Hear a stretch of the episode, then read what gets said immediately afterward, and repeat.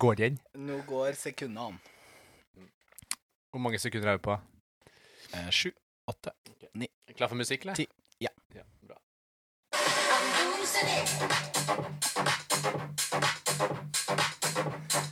Dedikert til ukas gjest, Tommy. Jeg Har skjønt den. Hva er det? Jeg bare gleder meg til du skal danse fugledansen her om et par uker. Det skal jeg. Det er bra. Altså. ikke lenge igjen. Husker Par du Et par uker, ja? Mm. ja? Begynner du å bli klar? Altså, Vi snakker jo da om bryllupet ditt. Ja, det er riktig. Uh, ja, men uh, det er jo alltid litt sånn småstress og sånt i starten. Jeg er jo veldig uh, sånn forberedelsesgreier. Men jeg er jo veldig heldig som har Pernille. Hun elsker jo det der med planlegging. Du er sjukt og jævlig heldig som har Pernille sin side. Så hun forteller meg litt sånn eh, Ta kontakt med fotografen, ta kontakt med musikken, ta kontakt med sånn og sånn og sånn. Og sånn Og så gjør jeg det, og så er det check. Ja. Og så har hun kontroll på det aller meste ellers. Stort sett det du har gjort siden sist, eller? Bryllupsforberedelser. Ja, det er litt av det. Ja. Det, det er mye sånn, og så er det vanlig jobb. Kult om dagen. Trives veldig godt. Vi hadde jo det arrangementet som vi snakka om med, med Dere Markus. hadde burpees eh, til inntekt for Barnekreftforeninga. Det hadde vi. Tus, 1000 burpees eh, for Barnekreftforeninga. Så eh, det var jo Markus, han som var her for et par episoder siden, som sto i regi. Ja, du må fortelle hvor mange burpees han gjorde, for det var helt sjukt mange Han burpees. eh, gjorde 1000 burpees da. Det var litt det som var greia rundt det. Jo, men han gjorde aleine 1000 burpees. Det er helt riktig. Så han gjorde 1000 burpees alene på 1 time og 18 minutter. Da kan du se for deg å gjøre 13 burpees hvert minutt i 78 minutter. Det er så vilt. Så det, det blir en del eh, burpees, det. Han er jo helt rå, og han eh, Det var jo første året i fjor da han arrangerte, og andre året i år. Vi var 100 og, ja, nærmere 110 stykk da, som møttes på Voldsløkka fra forskjellige bokser. Det var CrossFit Lillestrøm var der, og eh, Oslo var der Nei, ja, litt fra Oslo, og så mesteparten fra, fra Sagene. Og så var det CrossFit 46 i Kristiansand, og så var det noe i Lillesand nå. Så det var Spredde seg litt utover. utover. ja, men de, de var ikke på Voldsløkka. De gjorde det der og filma. Yes, Ja. Det var jo det som var fordelen med det arrangementet, at du kunne gjøre det fra hvor som helst. Kult. Ja, Så det var kjempebra. Ja. Når du har muligheten, så Dere solgte, dere solgte litt gadgets og fikk inn litt eh, kroner og sånn òg? Var Ja. det det som var tingen? Jeg så du hadde på deg en sånn altfor liten dametrøye. Excel, da. Excel. Ja, Jeg syns den grønnfargen var så jævlig så sjukt fresh, så jeg måtte ha den nå, i tillegg til den grå herre-T-skjorta. Ja. Så nei, Det var et eh, kjempekult arrangement, og vi solgte T-skjorte fra Bula. De var jo så trivelige og sponsa oss med de, så alt gikk jo til inntekt for Barnekreftforeninga. Og så var det mange spreke folk på Sagene som uh, laga litt kake, så hadde man muligheten til det til òg. ja. Nå kommer det en inn i studio mens vi spiller podkast. Halla. Hvor lenge skal dere sitte her? Nei, vi sitter her til eh, halv to. Halv to? Ja. Ja, ok, for det er egentlig booka i dag, ass. Men uh, ja, vi har hver mandag samme tid. Men eh, jeg vet ikke, det er Pontus som ordna det for oss. Ja, ok, jeg skjønner. Ja, men det var ingen som uh, sa at det var i dag også, fordi det var helt dag. Å ja. ja. Vi har det, og vi har, jeg veit ikke. Det er han som har fiksa Jeg veit egentlig ikke hvordan det gjør. Men han sa at Jeg snakka med en svenske i går, og da spurte jeg hvordan det var, om ting var ledig og Ja, da får vi bare titte oss det, altså. Det er liksom ikke så mye jeg har fulgt med. Ja, men dere får bare spille inn ferdig. Ja, Det var hyggelig at du kom innom, da. Ja, trivelig. Du kan bli med som gjest neste gang, kanskje. Frans heter jeg forresten. Ja, Hyggelig, Frans. Hei, trivelig. Alexander. Tommy, hyggelig. Ja, Bare. Det er ikke Syns ikke vi skal klippe bort det der. Det er trivelig, eh, litt sånn eh, uncut eh, version. Ja, men jeg syns ikke jeg var så veldig hyggelig nå, egentlig. Jeg, jeg kunne vært litt hyggeligere, faktisk. Nei, jeg syns det var hyggelig. Det er jo sånn da, når man har booka et studio, så har man booka et studio. Men han var han med og kjørte burpees på Voldsløkka? Er han Frans? Frans, ja. Nei, jeg så ikke så mye til Frans. Jeg gjør ikke det. Beckenbauer var et annet sted. jeg tror han der skriver med Frans med S, mens eh, Frans Beckenbauer er med Z. Ok, Du baserer det på På at han er norsk og Beckenbauer er tysk. Men eh, du, da? Fortell. Nei, jeg tenkte jeg skulle gå et kurs som gjør at jeg kan se hvilken nasjonalitet folk har. Du har jo da sett at han var norsk, og ikke tysk, på de sekundene han var her. Så jeg skal ta det samme kurset, jeg òg. Kult. Du, jeg har gjort veldig mye det samme som deg. Jeg har ikke gjort så mye burpees. Det har jeg ikke. Det burde jeg gjort. Eh, planen var at vi hadde lyst til å komme til Voldsløkka. Eh, men så skulle Alva i bursdag og greier, så jeg måtte kjøre henne dit. Og så plutselig var det familieselskap hos mamma. Så da ble det det i stedet for. Eh, men ellers så driver jeg med bryllupsforberedelser, jeg òg. Ja. Akkurat samme som deg. Toastmasteren. Ja. Så eh, jeg gleder meg og gruer meg. Det må være ærlig å si. Ja, du skal få lov til å være ærlig. Men eh, det går framover, så blir spennende. Vi har jo høye forventninger, da. Uh, Jeg har meget høye forventninger til dere òg. OK. Ja. Takk. Vi skal ikke gjøre så mye. Så vi trenger ikke å utbrodere så mye der. Men det er det jeg har gjort siden sist. Mm. Mm. Det ble jo det ble jo en lang intro fordi vi fikk besøk av Frans, så kanskje vi skal bare hoppe, hopp i gang. hoppe i gang og ta en hun og fnise ved siden av her. Yes. Så da kan du trykke på trudelutt-knappen, Tommy, og så Eh. tar vi inn gjesten etterpå. Turt.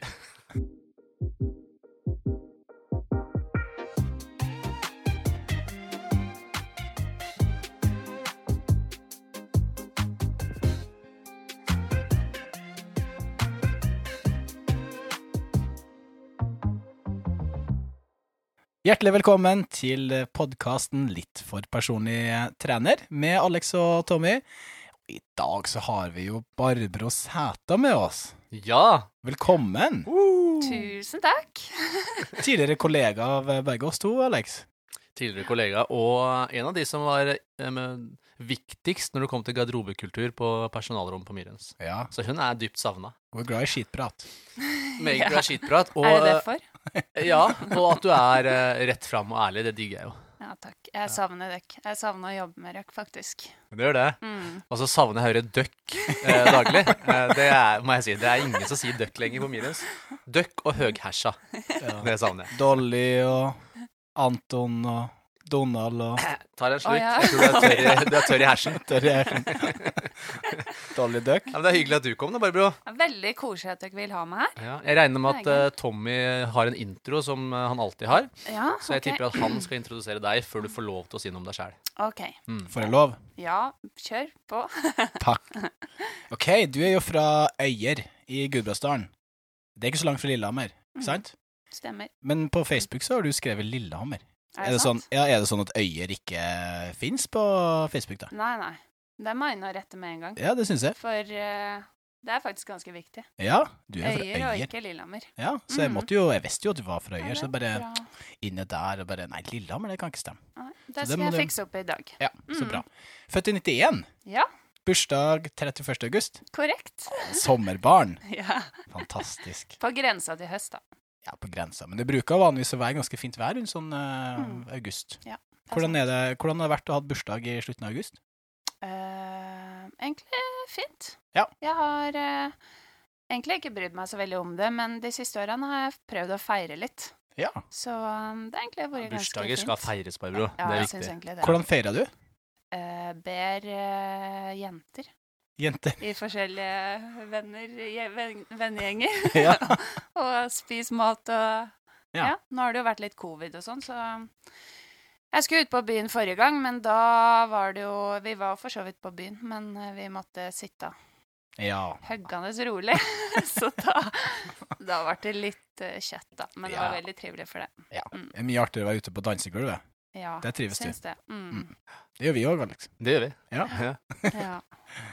Kult. Eh, du har en bachelorgrad i ernæring fra Bjørknes, eller tidligere Bjørknes høgskole, som nå er blitt Oslo nye høgskole. Mm.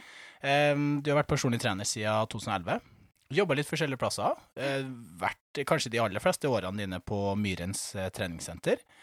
Eh, og deretter så har du vært innom Sterk, med den fine gjengen med, med Dan og Morgan og Jon Ivar og den gjengen der. Og så har du jo mentaltrener 1 og 2 Mm. gjennom Raw. Eh, foredragsholder. Litt sånn forskjellige plasser. Hvor er det du har holdt noe foredrag i, i det siste?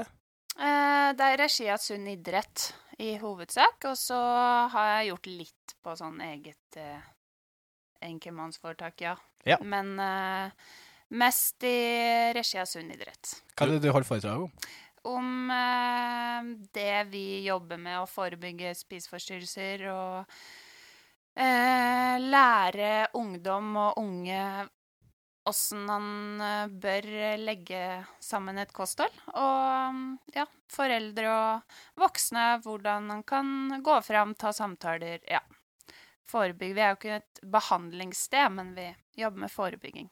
Så bra. Kjempebra. Du var jo på gamle videregående som jeg gikk på. Ski videregående. Jeg holdt foredrag. Ja, stemmer. Da var det Spis smart-foredrag for uh, videregående. Ja. Kult. idrettselever. Mm. Jeg tror det er så viktig, det. I, uh, jeg husker jo tilbake til ungdomsskolen ungdomsskole og videregående. Du, du kom jo bare hjem litt sånn til tradisjonskost, og du visste jo egentlig ikke så mye om Du hadde jo ikke så mye eh, Ja, i hvert fall ikke jeg. Hadde jo ikke så mye kunnskap om hva jeg skulle spise, eller Og jeg spilte jo fotball hver dag, og hadde jo lyst til å bli skikkelig god. Men eh, jeg tror nok jeg kunne ha prestert enda bedre, lett å si nå, da, men at man kunne ha prestert enda bedre sånn med å faktisk spise litt mer eh, riktig. For jeg dro jo innom Jeg hadde jo et eh, vennepar som jobba på, på Gyda, eller Handleriet. Og det var innom og spiste masse smågodt fra smågodthylla. Var innom og, og tok ei pølse og sånt etter trening. Så det var Kunne nok absolutt ha gjort det litt sånn hakket hakke bedre der. Mm.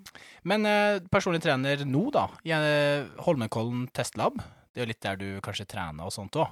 Ja, der eh, har jeg vært en del det siste året. Ja. Så jeg tok med meg noen kunder oppi der, og ja, trene fysisk eh, med fysisk oppmøte der. Så Så bra. ja, litt digitalt òg.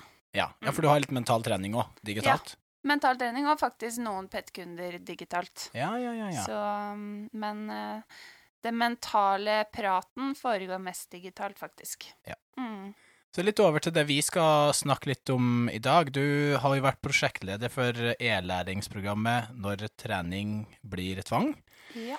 Um, og det her var jo da for treningssenterbransjen hovedsakelig. Ehm, og det her ble jo gjort da gjennom ROS, rådgivning um, om spiseforstyrrelser. Uh, hva er det som har liksom, gjort at du ble som, interessert i det her temaet, eller at du ble engasjert som pro prosjektleder i ROS? Ja, nå var jeg jo vikar der et års tid for Mari. Eh, så det starta med at jeg var med i den prosjektgruppa, og, og var med å lage forma det e-læringa. Og det er jo på bakgrunn av egen erfaring eh, om eh, ja, at jeg har hatt spiseforstyrrelser, og at eh, jeg er veldig engasjert i det. Det er eh, Ja, det brenner jeg for. Mm. Jeg tenker at Det må vi i hvert fall ikke gjøre med en gang. Vi må dype, litt- dykke, litt eh, dypere, som det heter på norsk, eh, i den delen der, Barbara. Vi har Ja. snakka en del tidligere, men jeg har lyst til å, hvis du er komfortabel, spørre deg litt rundt det der. For det syns jeg er interessant hvordan man finner ut av at man har et forstyrra forhold til mat, f.eks. Altså Mm. hvordan merker man det selv, og hvordan andre merker det. Så det er jo ting vi skal prate litt mer om. Mm. Yes. Um, så det kommer vi tilbake til, som sagt. Så, men du har jo en enormt stor lidenskap for langrenn, og har hatt det i, i mange, mange år. Og nå aller helst langløp, er ikke det? Ja, Ja. det har egentlig vært det i ganske mange år, ja. Ja. Mm. Og det er jo her du får brukt liksom, den fantastiske kapasiteten din. Både jeg og Alex har jo sett det på denne stakemaskina i time etter time etter time på Ah, ja. Myrens. Jo, men jeg har hatt noen PT-kunder mens du har stått der og staka, så du, har jo, du, er, du er ikke ferdig på en halvtime, du. Nei, det var noen økter der, ja. Mm. Noen det, ja. ja. Men noen intervaller på slutten etter å ha staka halvannen time, så legger jeg inn sånne sluttspurter. Trives best ute, da. Det, det skjønner jeg veldig godt. Ja. Um, du vant jo nettopp uh, din klasse under 10 km under Ecotrail her i Oslo. Ja, det var ikke så stort, da, men jeg var veldig imponert over tida mi sjøl. Ja, hva tida ble? Den ble eh, 38,56. Oi. Ja, Og når du ikke får stake, så er det ganske bra. Så jeg vil si at du er ganske god på løping òg, da, ikke bare på, på ski? Ja, bedre til at jeg ikke trener så mye på det, ja. Så Ja. ja, da har han sikkert gjort noe riktig kapasitetsmessig det siste. Ja, for Ecotrail, Å, det er jo ikke bare Man tenker jo at når man hører 10 km, så tenker man jo så flatt som mulig. Men Ja. det her er jo ikke flatt. Nei, det er er, ikke flatt, nei. det er noen høydemeter som skal bestiges. Ja, litt i hvert fall. Ja. Det er jo, ja, også litt vind og litt sånn unnskyldninger for at det var en ekstra bra tid Ja. til meg å være, ja. Uansett så er det bra vind ja. en 10 km. Ja. Så det er jo Det eh, er mange spreke jenter eh, der ute. Så det var imponerende. Eh, I fjor så eh, sats da, Det skulle bli Barbro og prosjekt toppidrett, Mm. som du har gått ut og sagt. Eh, du vil redusere liksom på jobb her til lands. Du har sikkert jobba litt sånn online underveis, det regner jeg med. Men du ønsker å satse som toppidrettsutøver, og da ble du jo med i det her Team Expand, Fuel of Norway. Eh, er du med der fortsatt? Eh, nei, det Ja. Jeg kan ikke gå inn på den sesongen, men det ble eh, alt annet enn det jeg hadde håpa den vinteren her. Så intensjonen var jo å få et innblikk i toppidrettslivet og kunne være med de beste og lære og, og Jeg har lært så mye, men um, det ble um, slutt med det laget ganske tidlig. Og, eh, men så hadde du jo en del uflaks på veien nå, da, med både covid, kom masse avlyste renn, eh, sykdom osv. Og, så og det er jo sånn, du, du har lært masse ut av hele sesongen. Mm. Hva, hva sitter du igjen med? Jeg sitter igjen med hvor viktig det er for meg å være med bra folk. Eh, og være glad og ha det bra for å prestere Uansett prestere, da, men særlig fysisk. Eh, og jeg sitter med at ja, folk sier at du må ta ansvar for det du kan kontrollere, og ja, det må du, men det går til et visst punkt. Det Mm. går ikke i det lange løp, da. Og, og sitte med at eh, jeg er blitt ganske god til å kjenne magefølelsen min på visse ting, og tar, er god til å ta valg som er best for meg, da, i noen sammenhenger. Så, så ja, Det det, er har bra, vært det er, det er så mye refleksjoner i det topplokket her at Ja. eh, ja. Og det er fint, da. Ikke Det, sant? det er kjempefint. Ja, Jeg elsker jo det. ja. Hva, Ja, og det å sitte igjen med um, Apropos, det skal vi ikke snakke om, men dagens samfunn hvor eh, tids eh, Det er klaging på tid, og vi bare kjører på, veit ikke helt. Men jeg er veldig stolt over at jeg har tatt det året og faktisk tillatt meg å tenke over livet, og faktisk ja, er i en fase hvor jeg liksom prøver å finne ut av ting, og det tror jeg ikke det er alle som tør, altså. Det må jeg bare si. Nei, må jeg, jeg må skyte inn én ting med en gang. Som uh, Vi har snakka litt om det her, så vidt jeg kanskje, men, Mm. Men jeg digger at du er i en posisjon og i et yrke der du, du jobber med å hjelpe andre. Mm. Du jobber som mental trener og fysisk trener. Mm. Eh, Du hjelper andre med kost, holder foredrag. Men så er du transparent og ærlig og sier at vet du hva, jeg har ikke funnet ut alt sjøl. Jeg jobber med det, og jeg tar den fighten. Og jeg går liksom og graver litt i grøfta for å finne ut av det, selv om det er ubehagelig. Og du er åpen og ærlig om de utfordringene du møter. Mm. Og det tror jeg er så sjukt viktig. At vi ikke går og sier at hei, jeg har funnet ut av livet, nå skal jeg lære deg hvordan du gjør det. Mm, ja, og det, det å be om hjelp, uh, og det har jeg skjønt Det har jeg lært i ganske mange år, sjøl om det har vært veldig tøft. Men det å Du kan be om hjelp sjøl om du jobber med helse og Det er forskjell på å være profesjonell og være privat, da. Mm. Så lenge du klarer å skille de to og ta vare på deg sjøl samtidig. mm. Bra. OK. Tommy, gi meg tommel opp. Det betyr Ja. at jeg får lov å snakke. Er det det? ja. det er nydelig. Jeg skal ha en slurk kaffe, så skal jeg snakke. Åh, alltid godt med en liten slursk. Liten munns, som du sier. Ja. Jeg sa jo her til, eh, til deg i stad, Alex, før vi starta spilleren, at uh, nå har jeg vannflaska på min høyre hånd, uh, og så har jeg da en kaffekopp på min andre høyre hånd. uh, og jeg, jeg kunne like så godt varme varma opp det her vannet som jeg har i denne flaska, og så hadde det smaka akkurat det samme som kaffen. Jeg skal si det til Ida. Vi var på Kaffe Nord i går og kjøpte en Kenya-kaffe som skal være ganske god. Igjen lystbrent, Tommy. Ok. Neste gang Neste gang skal du få en termos med varmt vann av meg mens jeg drikker kaffe. Det er helt greit. Ok. Ja. Nei da, den smaka eh, fire av ti. Fy faen. Barbro, hva syns du om kaffen? Jeg syns den ehm, Når den ble kald, så smakte den litt mindre, men eh, i starten, når den var varm, så var det en sjuer fra meg. Ja. Det er interessant, for jeg syns det smakte mer når den ble litt kjøligere. Ja, jeg får, ja.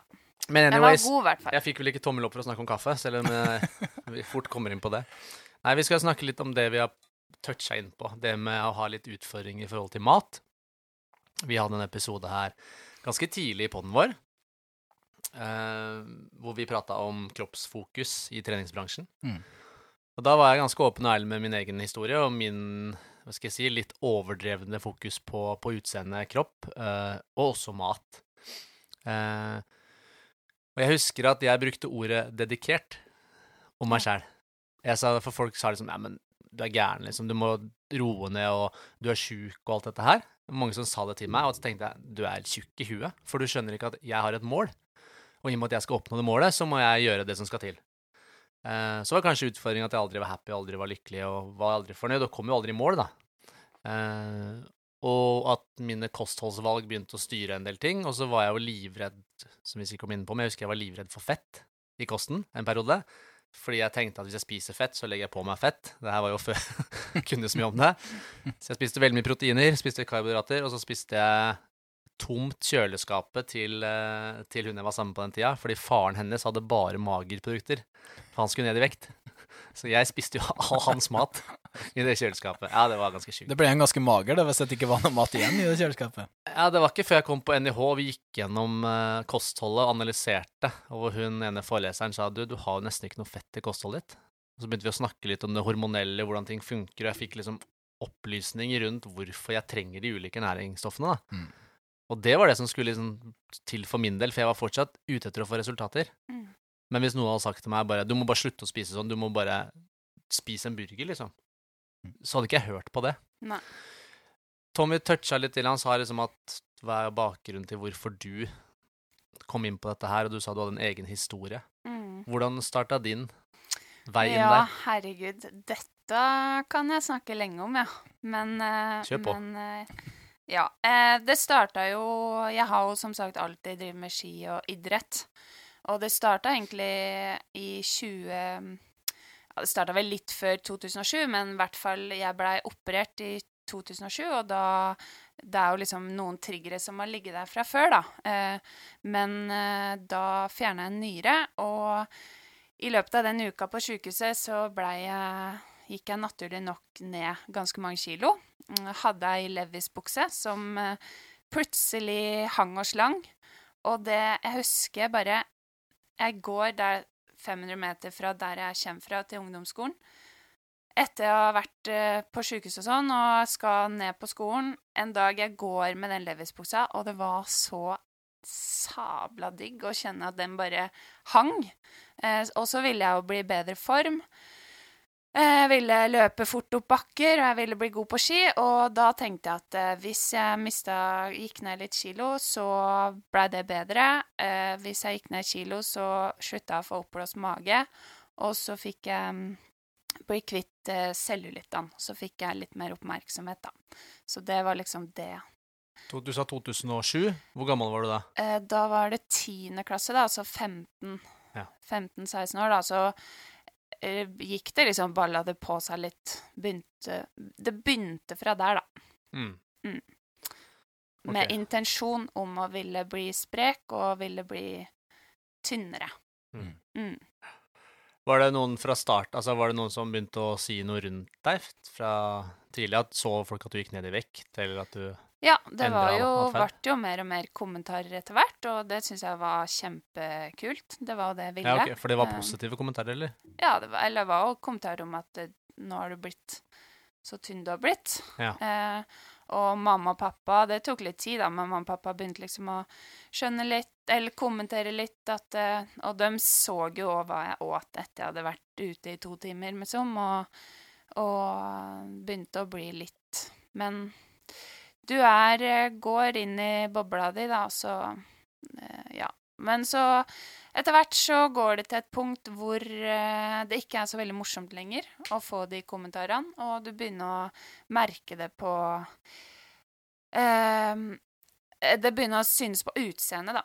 Nå har det gått ganske langt. Eh, så jeg og venner begynner å bli bekymra. Du merker det. det. eh, De tok jo kontakt med helsesøster lenge før jeg skjønte at folk gikk og tenkte på det. Ehm, så Eh, jeg innrømte på en joggetur med pappa i 2009 at jeg hadde et problem. Og jeg måtte ha hjelp, for jeg hadde prøvd så mange ganger på egen hånd. Og med hjelp av helsesøster. Eh, men nå gikk det ikke lenger. Eh, og da, etter det, så var det ikke morsomt å få kommentarer lenger. Da var jeg knekt når noen sa da- at det hadde blitt Ja, for da ville du egentlig ikke være det. Da hadde Jeg ville ikke være det, men da har det Og det her var kommentarer fra venninner, kompiser, Ja. trenere. Var det litt sånn spredd fra ulike vinkler? Ja, og så bare merker du Jeg husker jo ikke så mye av det her, for du er så sjukt inn i din egen verden, men Mm. du bare merker at folk prater om deg, og du får mamma og pappa sender mer og mer bekymringsmeldinger, og eh, jeg reagerer med å bli sint. Altså, det er Du bare merker det, men samtidig Mm. Og når du skjønner sjøl at det her klarer du faktisk ikke å gjøre noe med, da. Mm. Prøv de å dytte på det så mye mat som mulig. Nei. Nei. Fordi jeg, jeg klikker. Jeg Mm. klikka. Jeg hadde mitt regime. Men husker du, husker du hvordan en dag kunne se ut? Altså Hvis du skulle malt opp et bilde med tanke på trening og hva du spiste og sånn? Uh, ja Um, Jeg hadde liksom ikke noe fast Det handla egentlig bare om at jeg, jeg hadde regler på hvor mye det var lov å spise. Jeg hadde fast frokost. eh, eh, jeg husker ikke helt mengder, men, men jeg hadde bare For eksempel taco var veldig konkret hva det skulle være. Og så husker jeg alltid til etter trening, så var det veldig ofte en liten kopp, en liten kaffekopp med havregryn, en, maks en desiliter, med mjølk, som jeg lagde til grøt, for da ble det større volum, og det så mer ut. Og så var det et grønt eple. Og hvis jeg var mer sulten da, så var det eh, gulrøtter.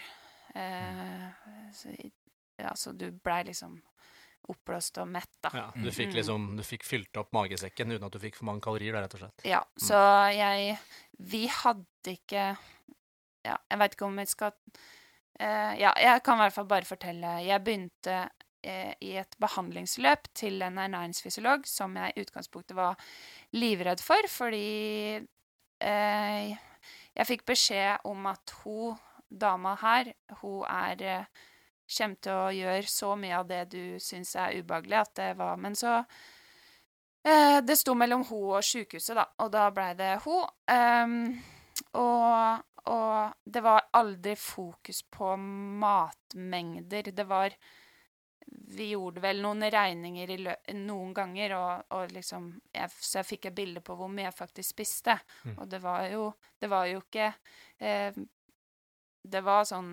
1400-1500 kilokalorer, så det var jo ikke kjempelite, holdt jeg på å si. Det var jo kjempelite, men det kunne Må kanskje veldig ses i forhold til aktivitetsnivået ditt, da. Ja, Hvor mye du trente. ja. Eh, eh, nå ola jeg meg feil, for det var kjempelite. Sorry.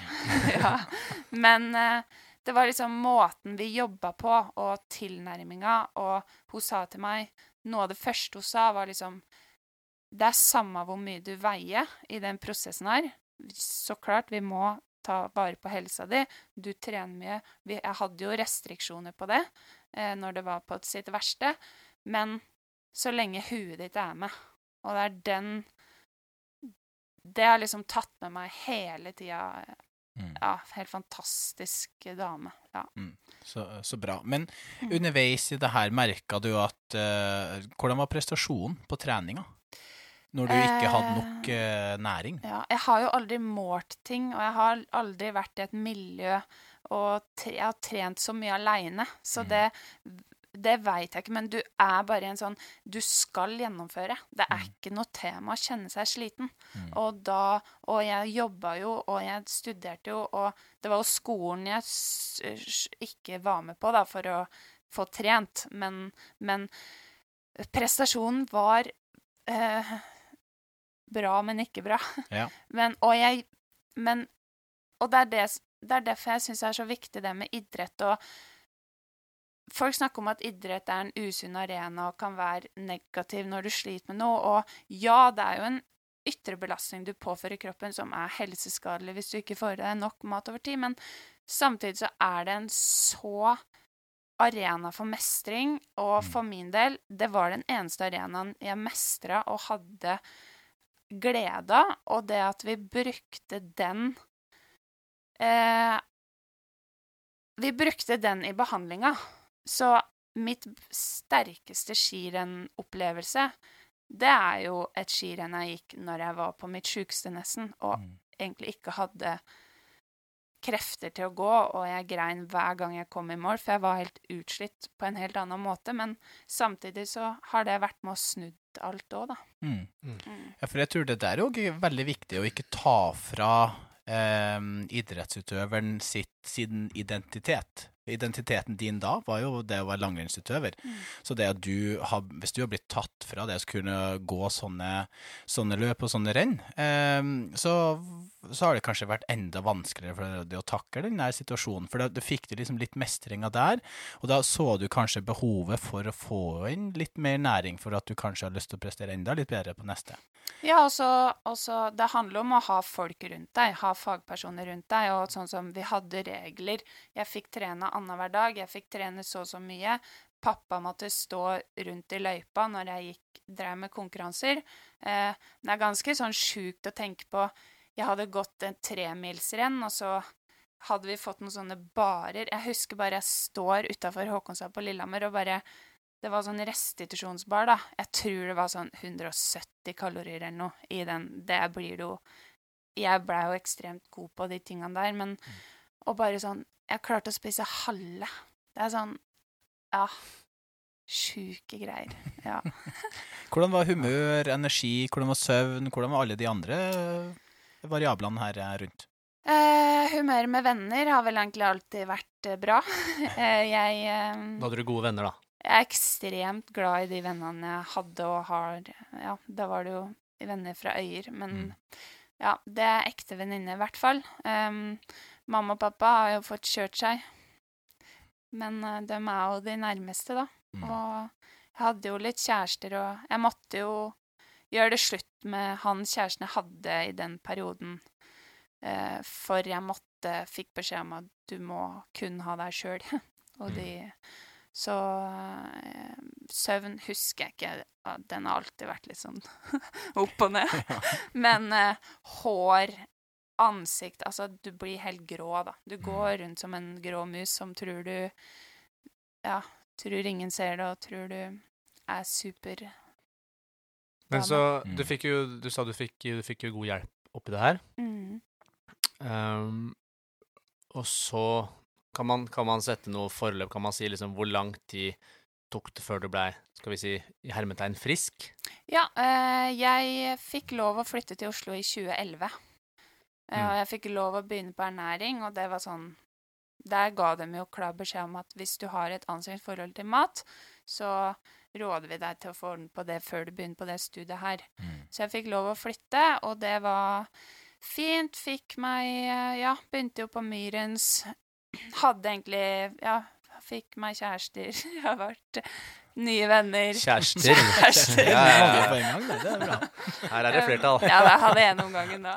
Men ja, ting var veldig bra. Eh, og så Og så er det på en måte etter eh, et, Ja, jeg fikk, beskjed em, jeg fikk beskjed av hun som behandla meg, at eh, det her er det, det er noen som trenger et sånn, noen sånne år for å finne seg sjøl, for å vokse opp. Det er brutalt, men når du blir frisk, så så er det ekstrem læring da å ha med seg. Og det Det må bare alle huske. At uh, all sånn erfaring i livet da, er jo nyttig og bra når du Hvis det går bra. Mm. Så er det kanskje Eh. ikke en Sorry, ja. Ja. Nei.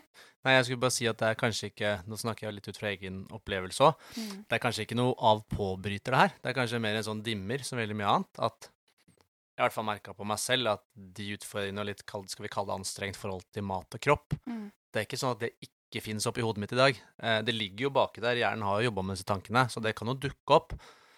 Men i hvert fall jeg håndterer jo det bedre i dag enn jeg gjorde det tidligere. Hvordan er det for deg, sånn i Ja, dag?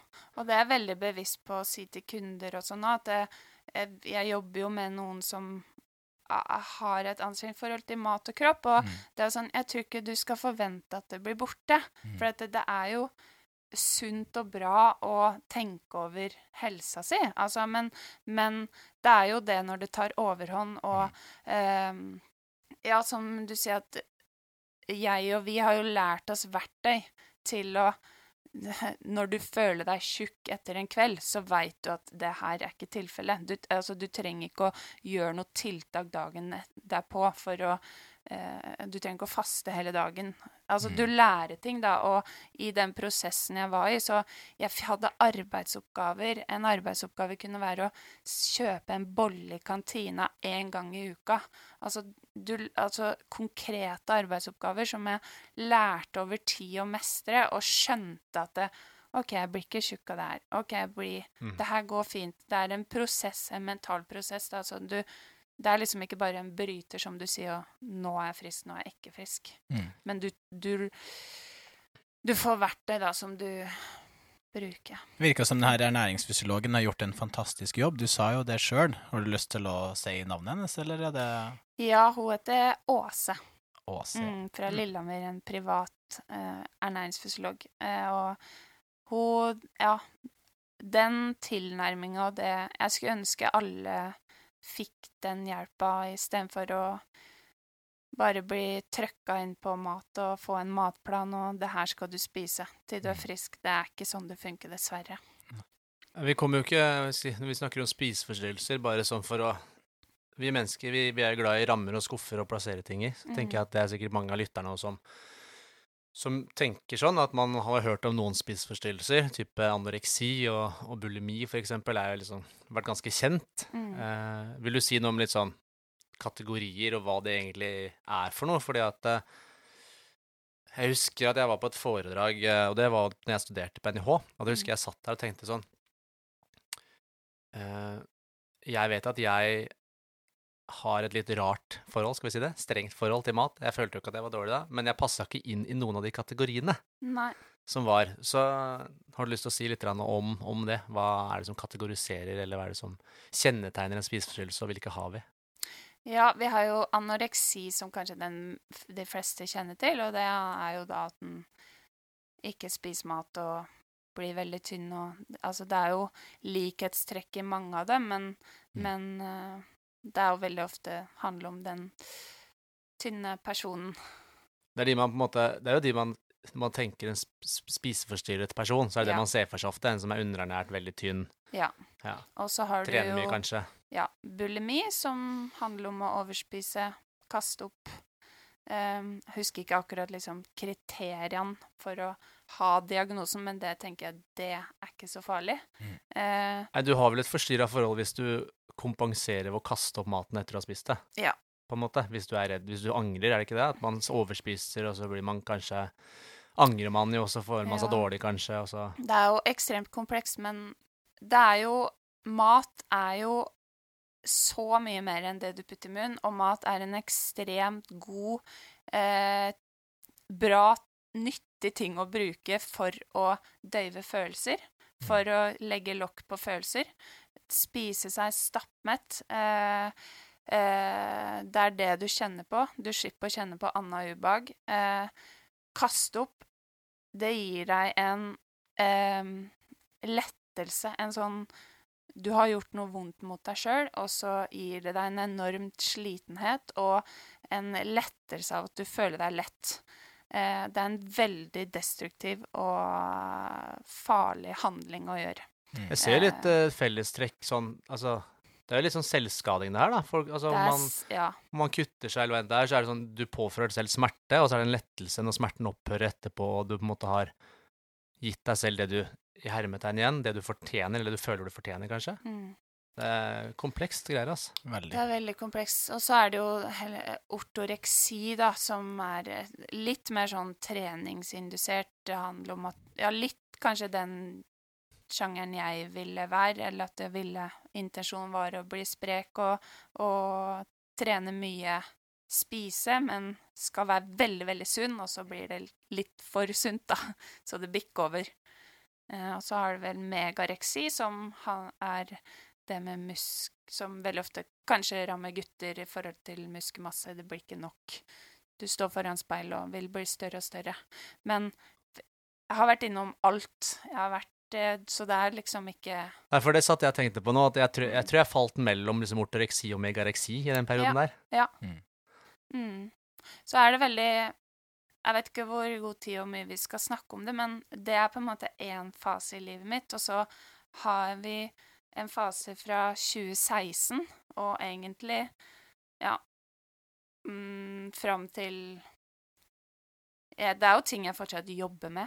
Um, nå er jeg ærlig. Jeg skal ikke gå inn på det, men det er jo uh, mat, følelser Det er uh, For i Skal jeg fortelle? Ja, ja. Ja, gjerne. Hvis du vil. For i 2016 så uh, var jeg gjennom et veldig tøft brudd. Um, som eh, gjorde at jeg eh, fikk det veldig tøft. og mat blei igjen eh, Det skjønte jeg jo ikke, da, for 2016 Jeg jobber, går på ski, har det bra, bor i Oslo, eh, har kontroll. Eh, men eh, ja, jeg begynte vel å bruke trening. Treninga blei veldig destruktiv. Jeg trente så mye og gjorde alt for å ikke kjenne på følelser. Um, jeg gikk ned i vekt um, uten, å, uten å mene det, uh, men det blei Det blei ikke helsemessig bra til slutt. Uh, og igjen, folk begynte å kommentere det. Da gikk jeg lynski. Jeg jobba jo fullt på Myrens. Uh, jeg hadde det ikke bra. Trente mer enn noen gang, og, og um, da var det sånn Når folk begynte å kommentere det, det var helt uh, krise. Da var jeg helt Det var noe Hva kommenterte de, da? At jeg hadde blitt tynn.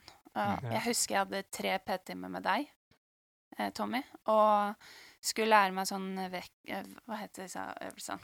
Øh, olympisk vektløfting. Ja, snatch og jeg og kom inn, og jeg hadde Jeg ser Jeg har de filmene du filma da, og jeg ser ut som en Ja, det var ikke bra. Og jeg kom inn, og det var så Jeg ser på det i ettertid at det var ikke sunt. Jeg tror jeg hadde fått mye mer ut av de timene nå. Mm. Men eh, i hvert fall så Ehm, og så skjønte jeg jo du må opp i vekt. Du må Det her er ikke bra for deg. Du skjønte det. Jeg ba om hjelp av Yuma, uh, iraker som Ja. Mm, kollega FPT. ja Mhm. eh, jeg ba Jeg har alltid vært god til å be om hjelp, og, og, men jeg klarte ikke å spise.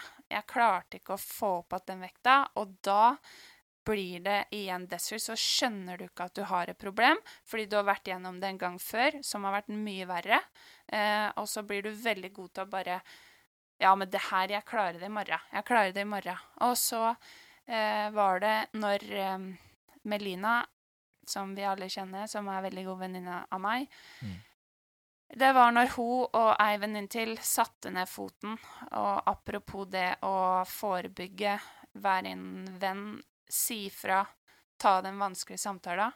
Når hun sa det, at eh, hvis ikke du skjerper deg nå, hvis ikke du tar tak i det her, eh, så er ikke vi din venninne lenger. Da, det var altså, hardt, det var eh, brutalt, da, men Mm. det var litt det jeg tenkte å høre, for jeg er Du sa det at jeg er direkte og ærlig, og jeg trengte den. Jeg måtte Mm. ut av det jævla surret mitt, da. Mm. Og de kjente jo sikkert. Det var jo sikkert akkurat sånn de, Ja, sånn de måtte reagere. reagere. Melina var kjempebekymra når jeg Mm. går rundt i fire-fem timer på rulleski, og, og det er liksom Det er jo ikke helsemessig forsvarlig. mm. Du veit uh, Ja, så Ja, for at, uh, Sorry for at jeg avbryter, men Neida. det her er jo det, er jo det er jo så vanskelig for de rundt. Hvordan skal man si ifra? Eh, og det er ikke alltid like enkelt å se det heller. Fordi at ja, jeg kan se, jeg kan jo se at du presterer eh, bedre. Mm. Kanskje fordi at i en sånn idrett så kan det av og til lønne seg å være lettere, Mm. eh, som mange tenker. Eh, som selvfølgelig ikke er noe bra. På en annen måte så er du, er du tynnere. Eh, og, men vi, jeg klarer ikke å se inni hodet ditt. Jeg klarer ikke å se hvordan du har det. Hvordan er humøret ditt, hvordan er energien din, hvordan sover du. Alle de andre variablene som er så viktige. Mm. Og det er jo kun du som føler på de. Ja. Eh, og så har du selvfølgelig de beste venninnene dine, som kanskje ser at du begynner å endre litt sånn oppførsel og sånt. Så det, Mm. da er det jo lettere for de å kanskje eh, hugge tak. Ja, og i 2018 så hadde jeg jo en kjempeskisesong. Altså, jeg, jeg vant et løp i Nordmarka, jeg gikk gode skirenn. Det var liksom Mm. da den vekta pika, da. Og det er sånn Ja, det var kult der og da, men inni meg så skjønte jeg jo at det her, eh, det her Jeg skjønte det. Altså, Mm. i, tilbake til det derre Ja, folk kan si hva de vil, da, men det er Det er klin umulig å hjelpe seg sjøl hvis det har surra seg litt. Og så Mm, mm.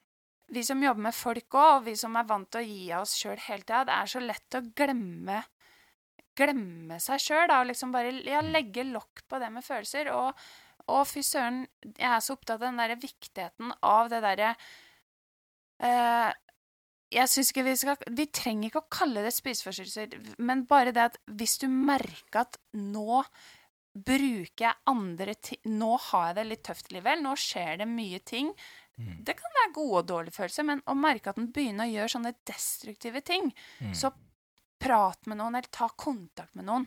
Mm. Få sparra litt, for dette hvis, hvis du lar det gå, det er da du kan ta av, da. Mm. For vi hadde jo Markus eh, her inne Ja. på akkurat eh, lign noe lignende, der, der han hadde opplevd noe uh, som har vært litt uh, som har vært en, altså Der han har satt igjen med negativ følelse etterpå. Og da, da hadde han det jo ikke så bra, og da, da brukte han jo trening. Det er jo litt det samme som vi egentlig snakker om når trening blir tvang. Fordi at eh, mm, det er jo den følelsen som du snakka om. Man har lyst til å gå bort fra de følelsene. Man har det litt kjipt, man har det vondt, og da har man lyst til å glemme de følelsene. Eh, og han ønska jo da å gå på assaultbiken, fordi at det var liksom de følelsene som, som han gjenkjente. Så han har lyst til å liksom bare få bort, få tenke på noe helt annet. Og da blir jo ikke trening en positiv greie noe mer. Du får litt et sånn anstrengt forhold til Kanskje du har et anstrengt forhold til mat eller andre ting fra før, og så får du anstrengt forhold til trening òg, som har vært din identitet eller din eh, Ja, nesten din mening med livet i så Ja. lang tid. Ja. Og så blir det òg en negativ greie. Ja, og da Så etter det her så måtte jeg begynne, eller begynte jeg til psykolog, og så har jeg alltid vært veldig sånn på skille mellom jobb og privat, at psykolog og det Jeg går fortsatt til psykolog, eh, men det som jeg jobber med om, det er liksom det dypeste dype som Det er meg. Og så er det har jeg, bruker jeg og har brukt mentaltrener. Altså, det er liksom mer det overfladiske og livet, og jeg syns den Mm. skilninga er veldig, veldig eh, verdifull, da, og Mm. nyttig, og det Jeg mener veldig mange andre burde gjort det samme uten å være redd for det. Enig.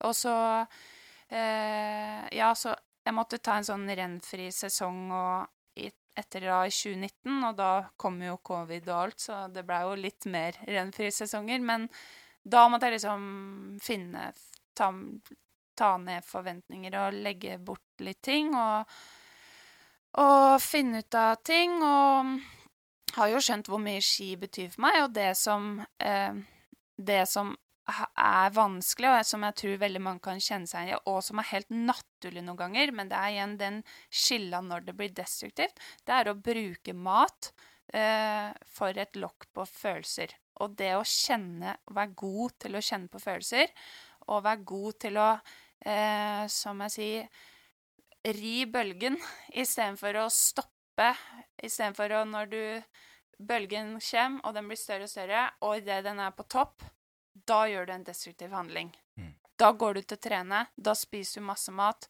Da gjør du Det er ikke bra. Da blir du Istedenfor å være med å ri og være med i opp- og nedturer. Og det har jeg blitt eh, veldig, veldig mye bedre til.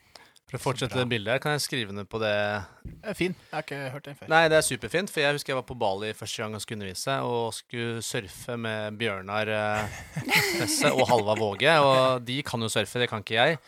Eh, jeg lurer på Jeg kunne jo ikke ri bølgen ut, som Barbro snakker om, jeg hadde ikke trent nok på det, så jeg ble slått ganske mange ganger og gikk rett i bånn og slo huet i bånn i sanda og diverse.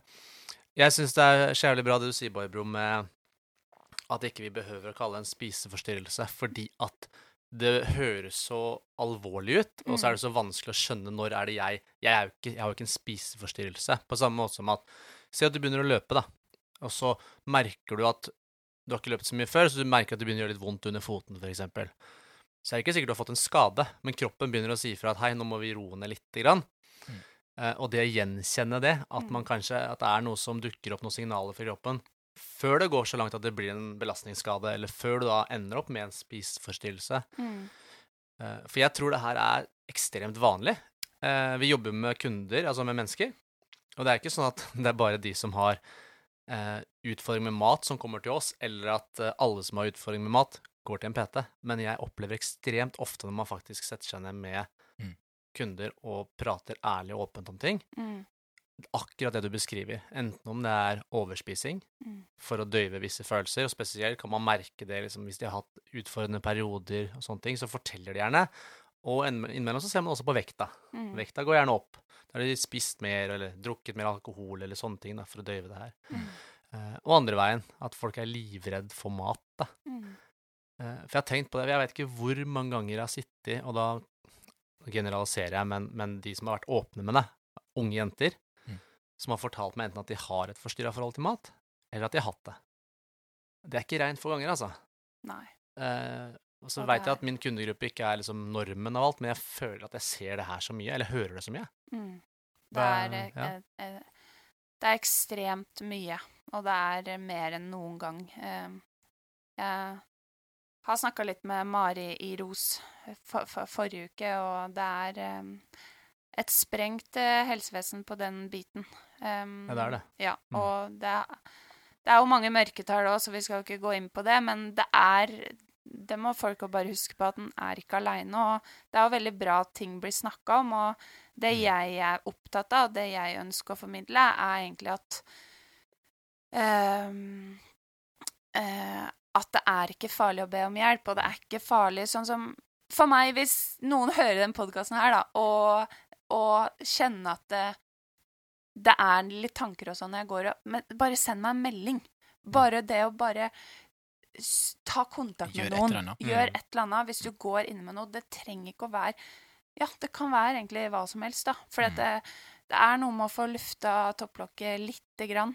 Ja, og så kan man, kan man normalisere Kanskje det er feil Ja. ord å bruke, men Nei, men jeg tror det er fint, det. Jeg tror man må jeg jeg- normalisere det å prate om følelser. Ja, Tørre å prate om det andre ting som, som, er, som du er urolig for. Ja, det var ikke der jeg ville, Tommy. med Jeg hadde, jeg hadde lyst til å gå inn på um, Jeg skjønner hvor du vil, men jeg, eh, normalisere det at du faktisk innimellom kan få dårlig samvittighet av mat, Ja. tenker jeg på. Altså, Mm. jeg jobber med mennesker med mat, med mentaltrening, litt det samme som Barbro. Mm. Men det hender at jeg har fått dårlig samvittighet etter en dag hvor jeg trykka masse dritt. Mm. Eh, Du som er naive gutten fra Brønnøysund, har du- kjenner du noe på det noen ganger, eller er det liksom fordi, Ja da. Eller er ikke det tanken i det hele tatt? Jo, det, jeg, kjenner, jeg kjenner jo litt på det. Jeg gjør det, men nå har jeg jo kommet litt opp i, opp i årene. Jeg ligger fortsatt et år foran deg, men jeg kjenner jo fortsatt på det. Så det er derfor jeg lurer Ja på da. Jo, man eh, kjenner Men jeg er jo fortsatt den der, der du snakka om. Og jeg tror det, det, det handler òg litt om det der identitetsgreiene. Og jeg kan ikke huske sånn tilbake til fotballtida og ungdomstida at det var så mye da heller. Um, men jeg har nok aldri lagt sånn ekstremt mye i det med, med trening. Jeg har vært, alltid vært veldig prosessorientert. Det vil si at jeg har likt prosessen i stedet for at eh, jeg skal se ut på en bestemt måte, eller skal prestere så og så bra, og jeg skal ha to minutter forbedring på det og det og det, eller skal løfte 150 kilo i markløft, osv. Skulle løfte 100 alltid- snatch, da.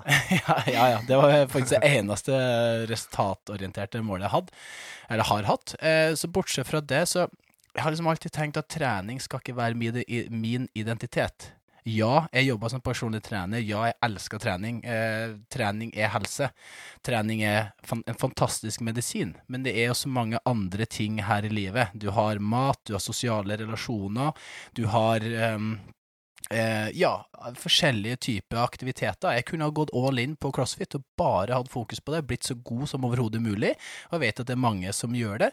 Eh, men det, det tiltaler ikke meg. Jeg syns det er bare fantastisk å bare gå inn der og få økt, og jeg trener liksom mer for, for hodet, jeg trener mer for følelsen det gir meg der og da, enn at jeg skal komme øverst på en, på et, en resultatliste.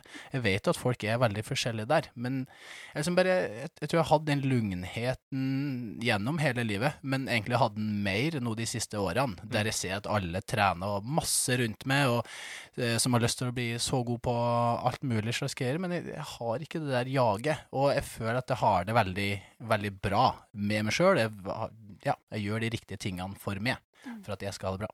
Veldig bra. Så nei. Det var et langt svar på nei. Nei, men det er kjempebra. Men er det, er det feil av meg å si det sånn, Barbro? Er det sånn at når jeg sier normalisere Jeg vil jo ikke at det skal være normen å ha dårlig samvittighet. Nei, og jeg men vil det er ikke sånn det er. Ja, det er det jeg vi mener. Må tenke, vi må bare innfinne oss med at det er mange som har mange destruktive tanker om veldig mye. Og, men nå snakker vi om mat eh, Mm. og kropp og helse. Og, og da tror jeg det at det å normalisere det, det er ikke noe feil med deg, men prøv å ta tak i det og fokusere på deg sjøl. Og så må jeg bare si det at det, en ting også som gjør det litt vanskeligere å innrømme, da, eller vanskeligere liksom å Det er at det, jeg elsker mat. Altså, jeg spiser mye mat. Jeg elsker mat. det skal mat. jeg skrive ned på at du gjør. Ja, og, og det handler ikke noe om at jeg er redd for å bli tjukk. Det handler jo eh, mer om at jeg er redd for å bli gå ned i vekt. Altså, det eneste jeg vil, er å Det eneste jeg vil nå, er å ha en sunn kropp.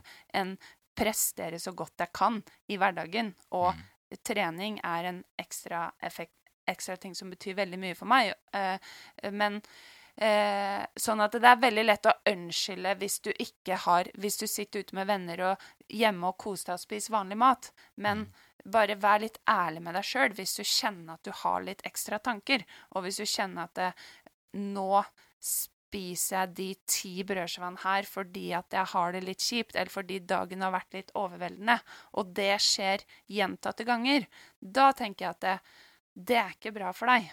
Mm. Det er ikke sikkert det er bra for deg, i hvert fall. Mm. Eh, og da må man være litt, ny, ja, litt sånn nysgjerrig på liksom, hva handler det her om, da. Og det Nå babler jeg, men det har vært veldig tøft. Det er fortsatt Det er ikke tøft nå, men, for nå har jeg kommet over det. Men det å ha kommet dit at For jeg har blitt ganske god til å kjenne på følelser. Helt til det kommer til kjærlighetslivet. men Er det en annen podkast, eller? ja, jeg kan komme opp for å snakke om det. Men i hvert fall Jeg snakker om alt, så det går fint. Men i hvert fall så Herregud, jeg veiver. Det er så fint å se seg sjøl her, for jeg ser at jeg er aktiv med armene. Ja. Men um, herregud, hva skal jeg si? Jo, at det, det å eh, bruke tren Når trening blir destruktivt, og du trener for å uh, slippe å kjenne på ting, og heller få den slitenheten Det i vinter, da, som har vært litt kjip, eh, og litt før det, så har ikke det gått lenger. Fordi at nå jeg Nå tør jeg å kjenne på når livet ikke er helt på topp, da. Og da har jeg blitt god og klart å Du kan ikke gå ut og trene nå, for dette, nå må du faktisk lytte til kroppen. Mm. Og det har vært veldig rart og litt sånn Nå mister jeg det òg. Nå mister jeg kontrollen på det òg, på en måte. Mm. Mm. Men nå er jeg veldig glad for det, da. Og det er jo et tegn på at den kommer litt videre. I hvert fall for min del. Mm. Mm. Jeg tenker Sånne ting er jo òg litt spennende å, å se litt på. Du, du har, som idrettsutøver så har man jo lyst til å bli bedre og man har lyst til å bli bedre. og lyst til å bli bedre, Så det blir litt sånn jag og litt sånn stress rundt det. Og ja, det stresset som vi snakka om med Børge og i forrige episode, det er, jo, det er jo viktig å ha litt stress det der med adrenalinet som skaper utvikling underveis, med at du ikke går over da, til at det blir mer kortisol og langvarig. Eh, men når en person klarer liksom å slappe av og bli litt mer harmonisk eh, rundt alt, om resultatene kommer raskere da Jeg føler liksom litt det på meg, på meg sjøl òg. Nå har jeg ikke hatt så mange sånn down-perioder, men jeg føler liksom når at jeg er lugn, og når jeg har liksom kontroll på den ene tingen der, andre tingen der, den tredje tingen der, så føler jeg at jeg responderer bedre på trening og, og sånt. Og jeg vet ikke, du Alex? Jo, jeg, jeg tenkte Jeg nevnte Bali i stad. Jeg bare liksom prøver å Jeg bare husker den ene gangen jeg hadde vært på Bali, hvor jeg, og jeg kom hjem, og det var sånn Jeg husker folk kommenterte Og nå snakker jeg ikke bare om utseende, men, men jeg hadde trent sånn akkurat passe. Eh, jeg levde litt sånn laidback Bali-liv. Eh, trente litt styrke, gjorde litt kondisjon. Eh, mye sol, underviste, koste meg. Og kom hjem og liksom bare For det første så husker jeg dro til Bali med veldig mye problemer med magen. Mm. Uh, begynte å snakke om IBS, altså irritabel tarm og alt dette her. Kom hjem fra Bali til alt er borte. Hadde spist akkurat det jeg følte for på Bali, men alt er borte. Så ikke noe Bali-belly? Ikke noe Bali Belly. uh, og kroppssammensetninga hadde endra seg, uten at jeg hadde gjort noen ting for det. Jeg bare følte Jeg hadde så mye energi på trening. Alt var sånn Og det, jeg klarte ikke etterpå Hva var det som hva er det jeg egentlig har gjort? Jeg føler jeg har gjort mindre enn jeg pleier. Mm. Og da var jeg litt sånn happy go lucky, happy go lucky state. Mm. Og nå kan vi jo gå inn på mentale prosesser og psykologi og sånn her, men det her òg det du sier du føler du gjør ditt beste når du er lugn og avslappa og sånn, og det handler om å for det første vite litt hvem er du når du presterer på ditt beste, da, og, og for min del også er det jo det å være glad, du har masse energi, du har fått i deg god mat, du har det bra med folk, du er lave skuldre. Det er liksom Da er det morsomt, da, og da Mm. Ja. Ja. det er mange ting rundt da som påvirker det. Ja, det er jo Ja. Mm. Men jeg har litt lyst uh, Vi må, må touche innom det, Tommy, i dag. Mm. Uh, vi er nødt til å prate litt om det her med I vår jobb ja. eh, si, Hvordan man skal gå fram hvis man merker at Eller har en mistanke. La oss si på treningssenteret. Jeg skal ta et eksempel. Jeg hadde jobba som treningsveileder. Jeg tipper maks et år, jeg. Første jobben jeg hadde. Eh, og så fikk jeg oppgave av daglig leder om å gå og prate med en på senteret, som var en klassisk case når du tenker anoreksi. Veldig, veldig tynn. Trente hos oss to ganger om dagen. Ehm, jeg prata jo litt med vennene til vedkommende, og fikk jo vite at personen også løp, f.eks. i lunsjen på skolen. Så det var masse sånn, så jeg visste jo at det var en del ting. Eh, og så fikk jeg oppgaven. Hadde ikke noe som helst bakgrunn til å sette meg ned og gjøre det her. Og satt og prata med henne, og hun satt jo bare og jugde meg rett opp i ansiktet. Eh, for hun var jo ikke interessert i at jeg skulle helt tatt få vite noe om hva hun drev med, eller frata henne noe som helst. Mm. Hva kan vi gjøre? Altså, vi som jobber med det vi gjør. Hvis vi har noen mistanker. Hvis du har noen mistanker om eh, en kollega, en kunde, en venn, et eller annet, så tenker jeg at det er først og fremst veldig viktig at du veit at du er ikke behandleren her. Du skal ikke gjøre noe eh, som helst annet enn å vise at du bryr deg, og vise at du er et medmenneske. Det kan være jævlig ubehagelig, for å bruke uttrykket. Du Mm. kan eh, satse på å få en eh, kald skulder, eh, men hvis magefølelsen din sier at det, her er det en person som ikke har, har det bra, da er det mange måter å gjøre det på. Men det er å en, gå bort til personen, spør hvordan har du det, har du det bra? Jeg observerer et eller annet om at eh, du har endra litt atferd. Eh, jeg er nysgjerrig. Eh, vil du prate om det? Mm. Vise at du er et medmenneske. Eh, hvis det er ubehagelig, eh, så syns jeg at en skal spørre en fagperson, eller ta kontakt med noen som kan hjelpe deg og gi råd og Hvem er noen? eh, Hvem kan jeg ringe? Eller hvem kan jeg snakke kan med? være Det kan være eh, ros. Eh, det kan være eh, sunn idrett. Mm. Det kan være eh, en person som du veit at Hvis du kjenner personen du tror sliter, da, så kan det være en person som den har tillit til. At du kan høre Men det er jo ikke en fagperson, da. Men uh, mental helse går an. Mm. Ja. Mm. Um, men ikke gå og snakk bak ryggen til vedkommende. Ikke gå og eh, snakke ganger om at du er bekymra. Ta tak med den det gjelder, eventuelt gå til fagpersoner. Um, ja. For eh, hvis det er en magefølelse her, så må du stole på den. Mm.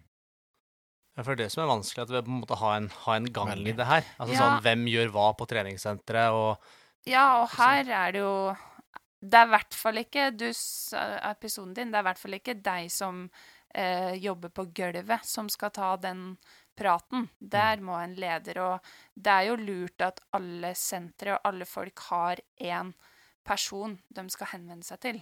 Om det er daglig leder, eller Men det viktig, den som skal prate med den det gjelder, det handler om å ha tillit. mm. Eh, Mm. Ja, bra. Men jeg tror folk må Jeg tror vi, vi må ikke tenke at vi skal liksom vi, skal, vi må ikke tenke så stort om det. Vi skal bare bry oss.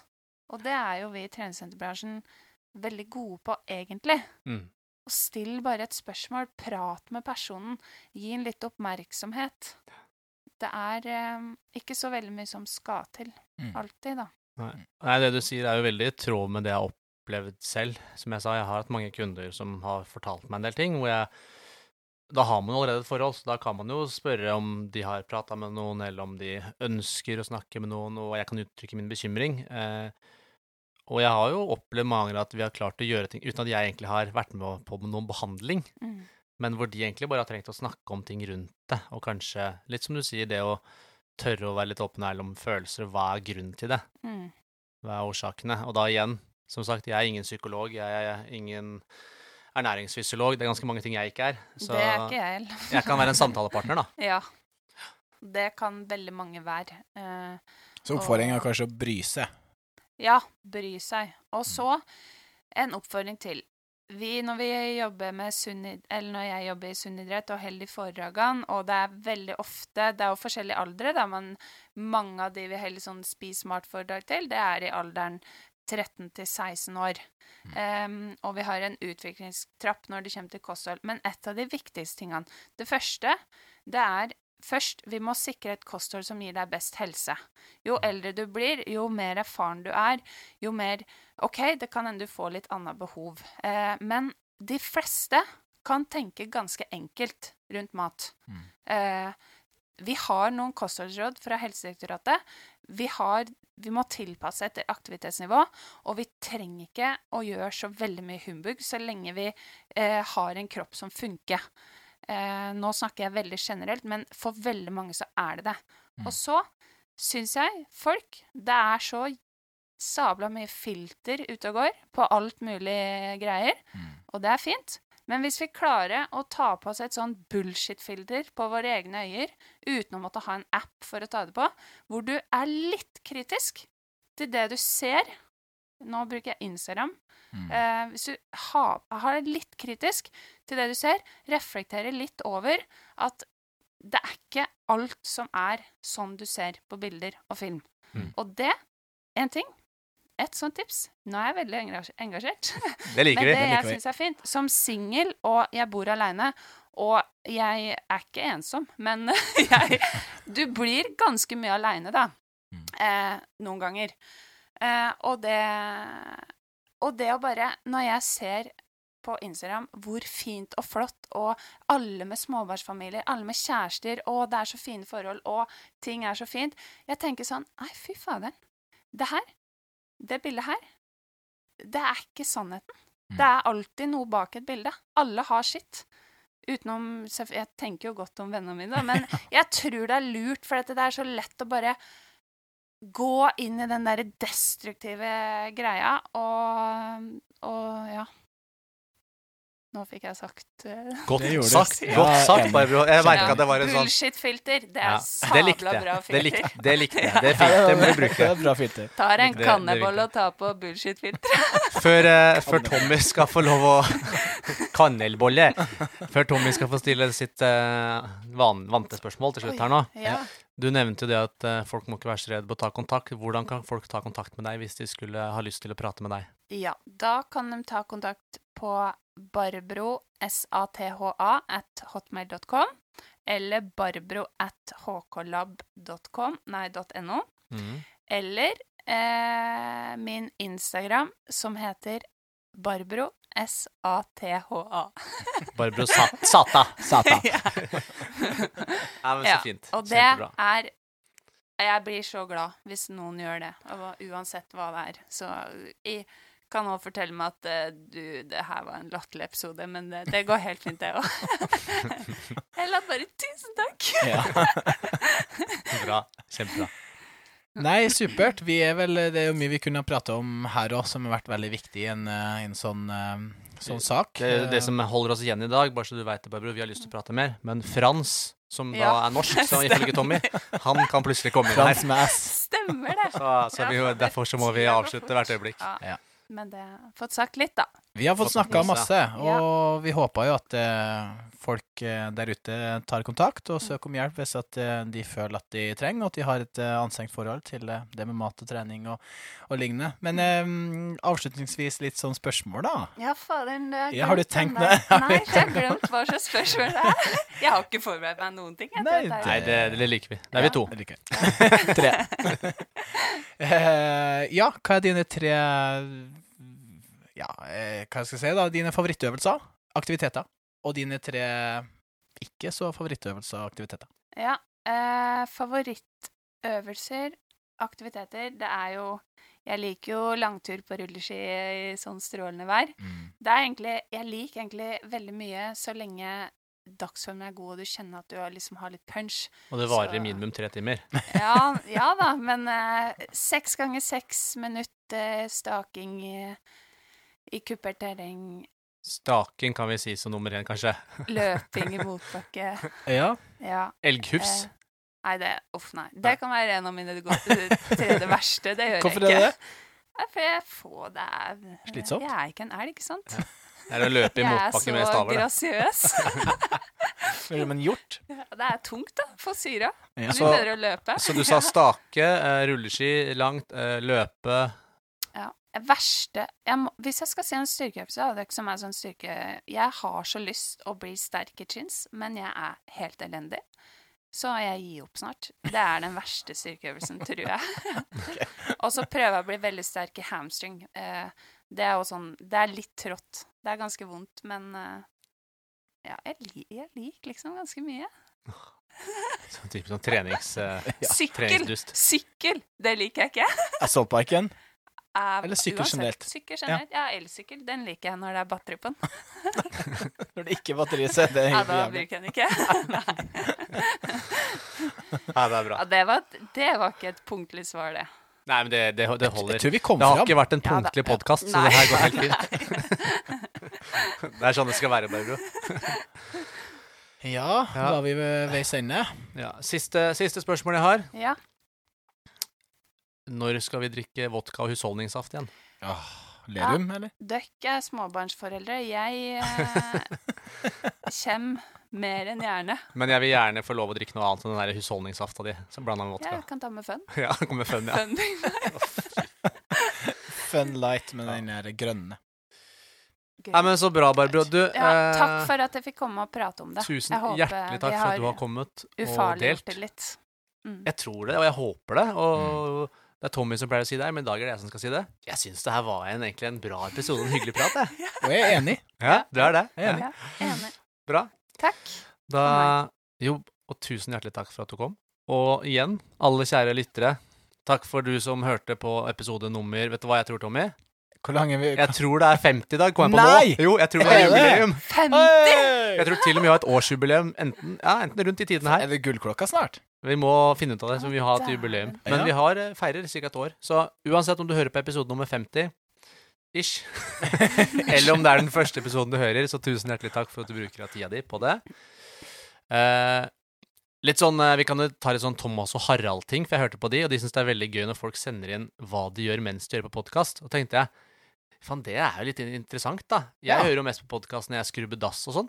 Når jeg vasker badet, så hører jeg masse Det er ikke så ofte du hører på Og når jeg podkast, vasker da. bil. Og jeg vasker bil. Ja. Ja. Ikke så ofte du hører Jeg vasker bil ganske ofte. at du ikke vasker dassen så Jeg vasker bil ganske ofte. Jeg Ja, tar den.